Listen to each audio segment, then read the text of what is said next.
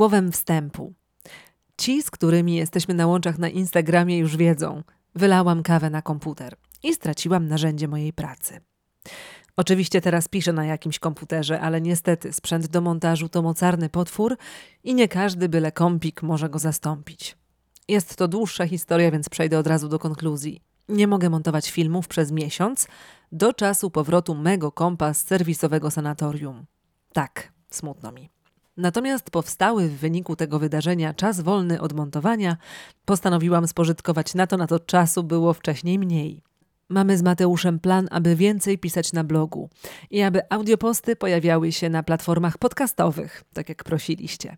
No więc zajęłam się tym teraz. Dzisiaj temat, który już dawno zapisałam sobie jako do rychłego zrobienia. Temat jest nie mój, nie ja go wymyśliłam, ani nie Mateusz. Temat przyszedł do nas od Was. Zdziwiło mnie trochę to, jak często się powtarza, więc zbieram tu wszystkie złote myśli na ten temat, które przychodzą mi do głowy. Jak zacząć podróżować? Jedno z najczęściej zadawanych pytań, nie tylko podróżnikom, ale wszystkim, których zawód nas ciekawi i sami chcielibyśmy spróbować. Jak zacząć? Jaki jest pierwszy krok? Jak się odważyć? Jak to zorganizować? Skąd wziąć pieniądze? Pogadajmy o tym.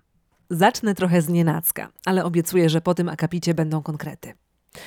Czy faktycznie każdy musi podróżować? Czy to rzeczywiście jedyna rzecz w życiu, na którą warto wydawać pieniądze? Czy gdy nie podróżuję, trafiam do marginesu społecznego ludzi, których profil na Instagramie zawiera same smutne fotki krajowe? Są takie dyscypliny, którymi zajmują się inni, a ja się nie zajmuję i jestem zazdrosna. Patrzę na twarzoksiążkową ścianę ludzi, którzy mają pieski i przykro mi, że sama nie mogę go mieć. Widzę w wydarzeniach koncerty muzykujących znajomych i mam przez chwilę poczucie straconej szansy i czasów, gdy sama pisałam piosenki. W czasach analogowych, czyli przed powstaniem internetu, znałam to uczucie jako zazdrość. Teraz z memów wiem, że określa się ono jako FOMO Fear of Missing Out. Fear of Missing Out, jak rzecze Wikipedia, czyli lęk przed pominięciem, syndrom pojawiający się u użytkowników mediów społecznościowych, lękających się, że przegapią coś istotnego i ominie ich to bezpowrotnie. Na Wyspach Brytyjskich istnieje jednostka chorobowa zwana jako Facebook Envy, określająca smutek i stany depresyjne, wywołane ekspozycją na zbyt wiele fajnych fotek w mediach społecznościowych. Podróże są jednym z najbardziej pożądanych aktywności. I choć ciężko w to uwierzyć, nie zawsze tak było. I choć nie mam na to potwierdzenia w badaniach socjologicznych, mam podejrzenia, że jest to zasługa lub wina nowych mediów.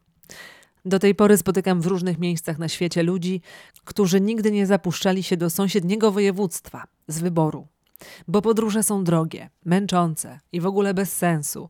Bo nie ma potrzeby jechać bez celu, bo w domu najlepiej, najbezpieczniej, bo choroba lokomocyjna. W górzystym Laosie wielokrotnie widziałam wyrzucane przez okno busów plastikowe torebki napełnione wymiocinami. Ludzie podróżują tam tak rzadko, że żołądki, albo raczej błędniki, nie wytrzymują długich godzin w drodze, których wymaga niemal każda podróż w tym kraju. Gdy pomyśli się o tym z tej strony, to faktycznie podróże są bez sensu. Po co i za czym? W naszej naturze leży przemieszczanie się jedynie do nowych łowisk, czy zgodnie z cyklem pół roku i wegetacją. Ale z pewnymi wyjątkami nie praktykowaliśmy tego od plus minus 10 tysięcy lat, od czasu udomowienia pszenicy. Możemy wreszcie przestać się zadręczać tułaczką po świecie. A jednak napędzamy się wzajemnie. Książkami, filmami, popkulturą, mediami społecznościowymi i całym podróżniczym przemysłem. I ja też to napędzam. Odkąd jeżdżę po świecie, Dzielę się historiami, przemyśleniami, zdjęciami, filmami. Patrzenie na uśmiechniętych ludzi w internecie sprawia, że mamy poczucie, że są szczęśliwi. My też sami chcemy być szczęśliwi. Powinniśmy więc robić to, co oni, by to szczęście osiągnąć. Proste. Sama temu ulegam, więc te słowa piszę też trochę dla siebie, bo warto sobie robić przypominajki. Mateusz, kiedy przeczytałam mu ten oto zapisany fragment tego tekstu, zauważył również, że kiedyś było tak, że o podróżach opowiadała garstka ludzi, na przykład przy okazji pokazów fotograficznych.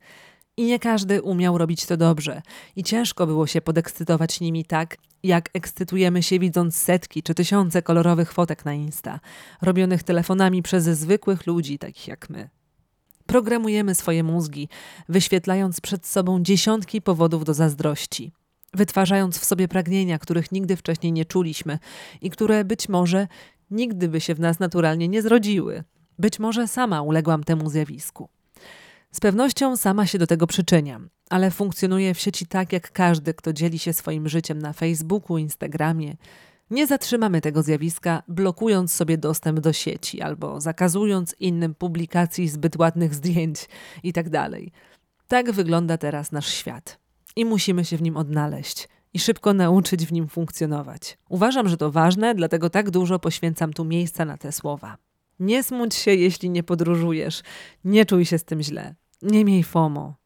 Podróże to pasja jak każda inna. Jeśli kochasz dzierganie na drutach, to to będzie dla ciebie źródłem radości i poczucia sensu.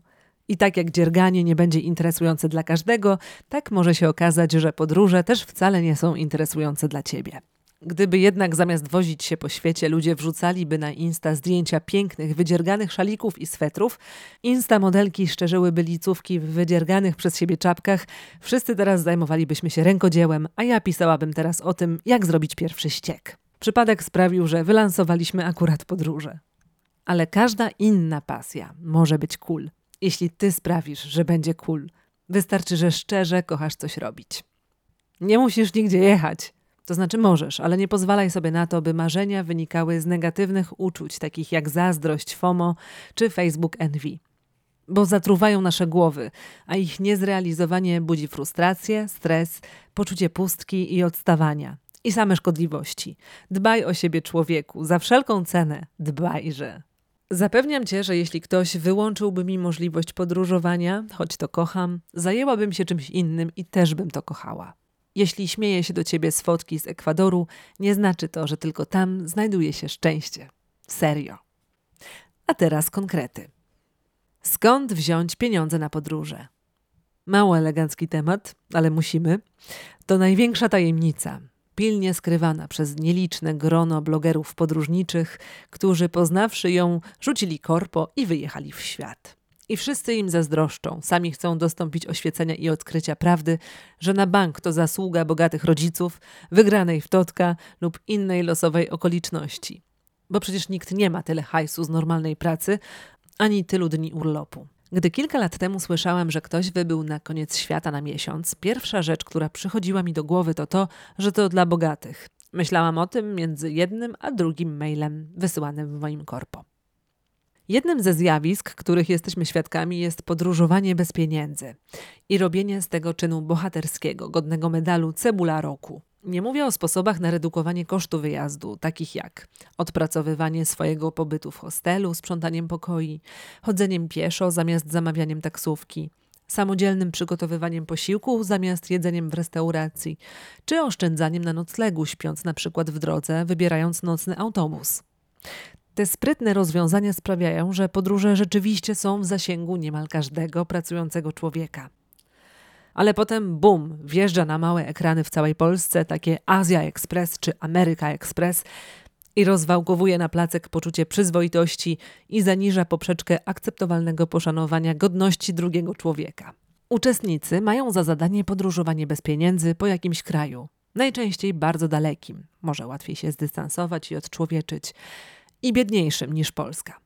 W dodatku na czas. Nie ma więc miejsca na spojrzenie w oczy drugiej osobie, a jedynie na pogoń za wpakowaniem się jej do auta. Miejscowi pomagają, dzielą się ostatnią miską ryżu, bo ludzie są dobrzy z natury i wie o tym każdy podróżnik z plecakiem w zasadzie dokądkolwiek. Potem uczestnicy mówią w wywiadach, że była to przygoda ich życia, jakby niedostępna wcześniej. I że byli wzruszeni, jak bardzo ludzie są pomocni, jak bardzo dzielą się mimo biedy, i nikt nie powiedział, że żałował zaangażowania w ten projekt.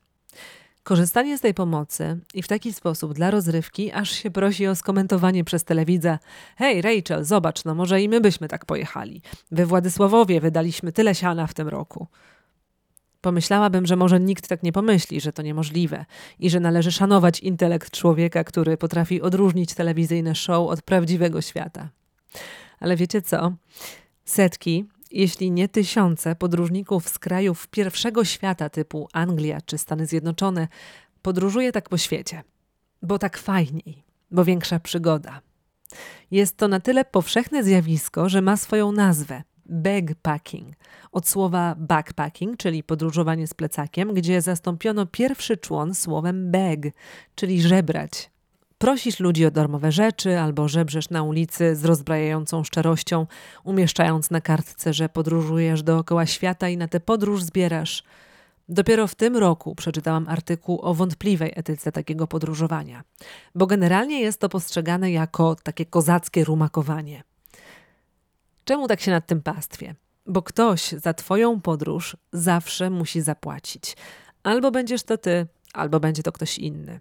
Wierzę, że czytają to ludzie, albo słuchają tego ludzie, którzy widzą ogromny zgrzyt w tym, by płaciła za to rodzina, która ma przecież na przeżycie 30 dolarów miesięcznie. Tylko dlatego, że postanowiłeś, postanowiłaś nie pracować. Nie jedź w podróż, jeśli nie masz na nią pieniędzy. Nasi koledzy po fachu, podróżnicy nazywający się na Instagramie Podróż Odbyta, bardzo ładnie kiedyś wyjaśnili. Wszyscy już mamy pieniądze na podróże. Tylko 60 zł jedna pani wyda na manikur, a druga odłoży do skarbonki, bo to dla niej znaczy 6 obiadów w Tajlandii. Tak właśnie działają priorytety. Moim sposobem przed laty, gdy miałam stałą miesięczną pensję, było to, że obliczałam sobie koszty życia: mieszkanie, rachunki, jedzenie. To dla większości z nas jedyne rzeczy, na które musimy mieć pieniądze. I jednocześnie są to rzeczy, które jesteśmy w stanie przewidzieć. Dlatego też z mojej pensji, jak tylko ją dostawałam, odkładałam część na podróże.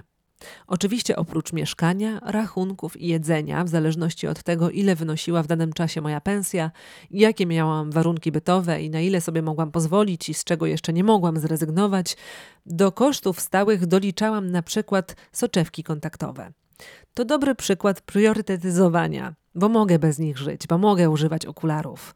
Ale jakość widzenia w soczewkach jest dla mnie tak bardzo wartościowa, że ląduje w priorytetach wyżej niż podróż. Kiedy zarabiałam więcej, doliczałam do kosztów stałych też parę groszy na małe radości, by uprzyjemnić sobie dzień. Tuż do rzęs bilet do kina, lunch na mieście z przyjaciółmi. W gorszych czasach szukałam radości gdzie indziej i dodatkowych źródeł przychodu. Kluczowe jest to, by nie czekać do końca miesiąca na to, co zostanie z pensji, bo w ten sposób często nic nie zostaje. Podsumowując, obliczamy koszty stałe a resztę wpłacamy na subkonto, najlepiej takie, do którego nie mamy karty. Takie konto można założyć i prowadzić za darmo w wielu bankach. I nie ma tych pieniędzy. Dla nas tej forsy nie ma, co by się działo. Oczywiście zdaję sobie sprawę, że nie każdemu zostaje coś z tej pensji. Że wielu z nas żyje od pierwszego do pierwszego.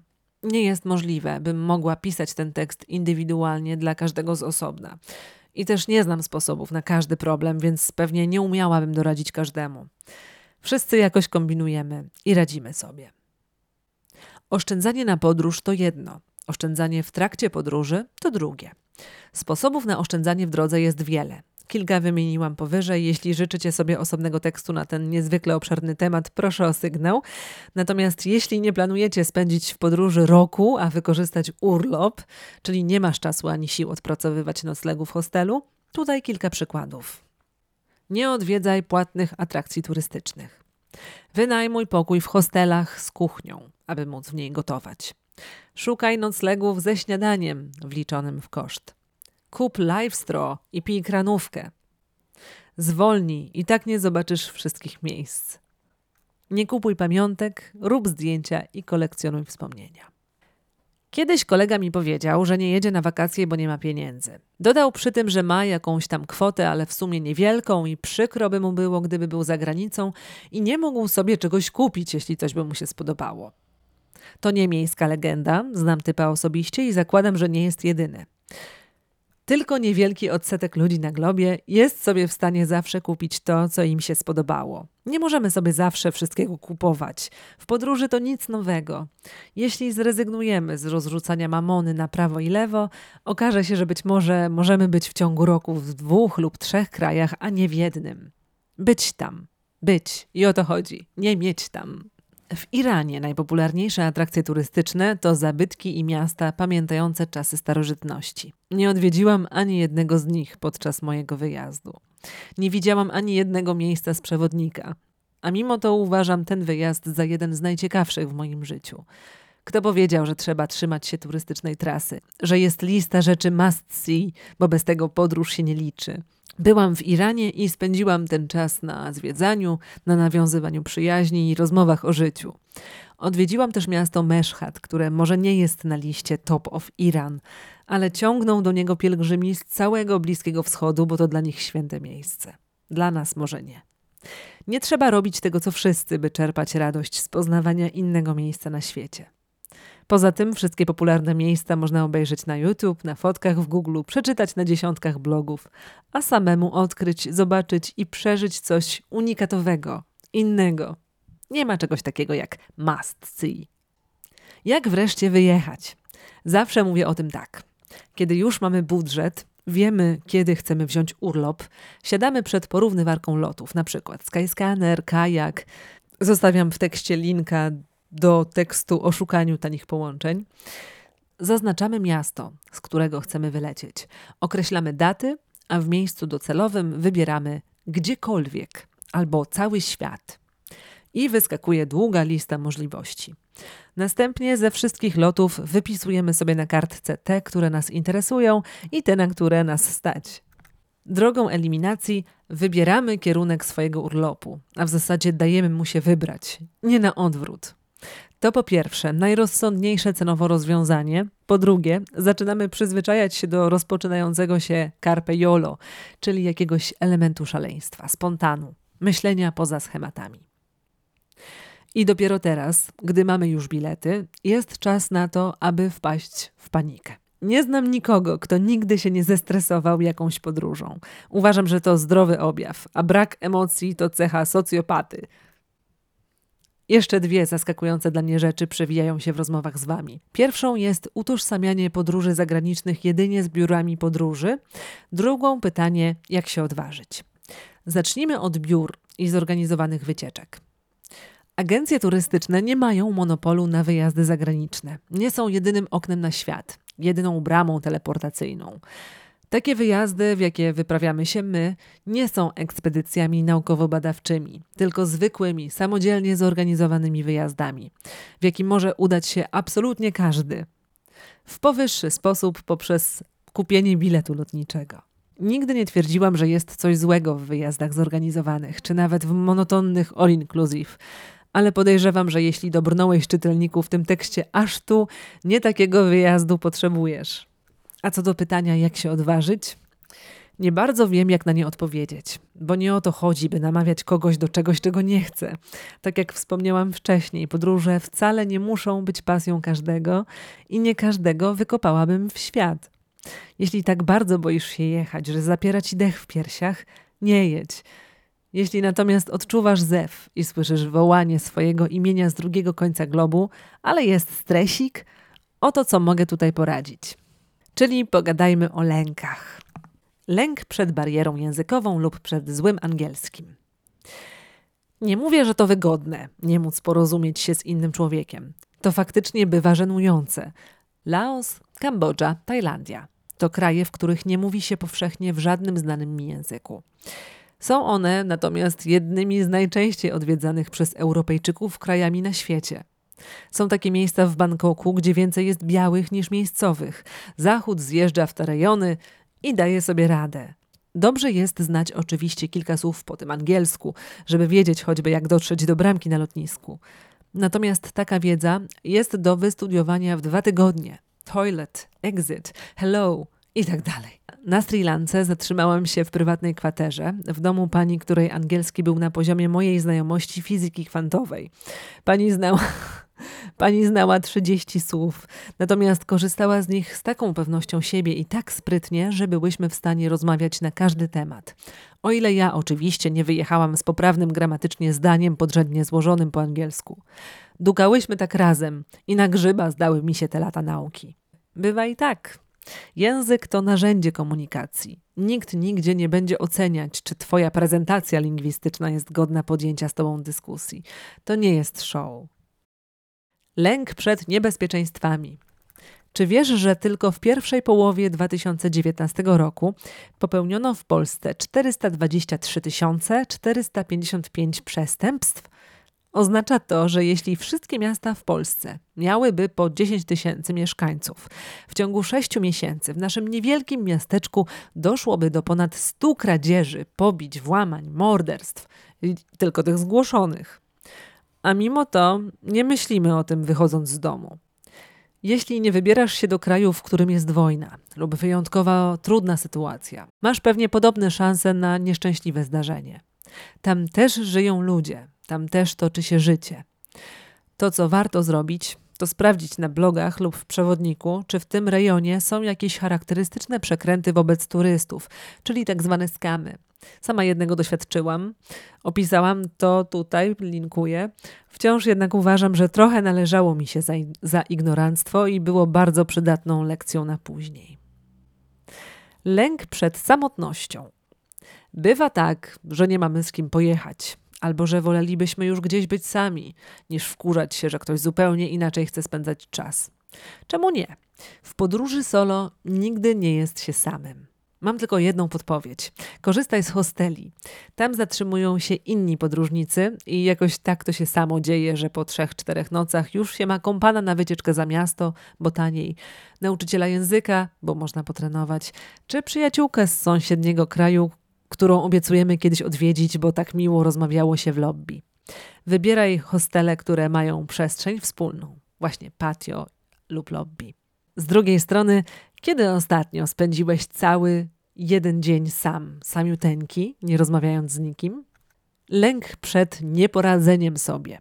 No nie ma bata. Jeśli umiesz się nakarmić, umyć i położyć do łóżka, poradzisz sobie z tym w innej części świata. Jeden, dwa, trzy dni max zajmą przyzwyczajenia się do tego, jak kupić sobie bilet na autobus, jak to działa, czy jak przeliczyć waluty. No nie ma bata. Czy jeszcze coś zawiera się w tym pytaniu, jak się odważyć, czy jak rozpocząć podróżowanie, jak zacząć podróżować? Tekst wyszedł naprawdę długi, a ja o podróżowaniu mogę mówić i mówić. Ja w zasadzie w ogóle mogę mówić i mówić. Dlatego jeśli czegoś zabrakło lub źle zrozumiałam pytanie, jak zacząć, to może być tylko pierwsza część. Odezwijcie się w komentarzu, ziomki z internetu. Zobaczę, co da się zrobić. Powodzenia.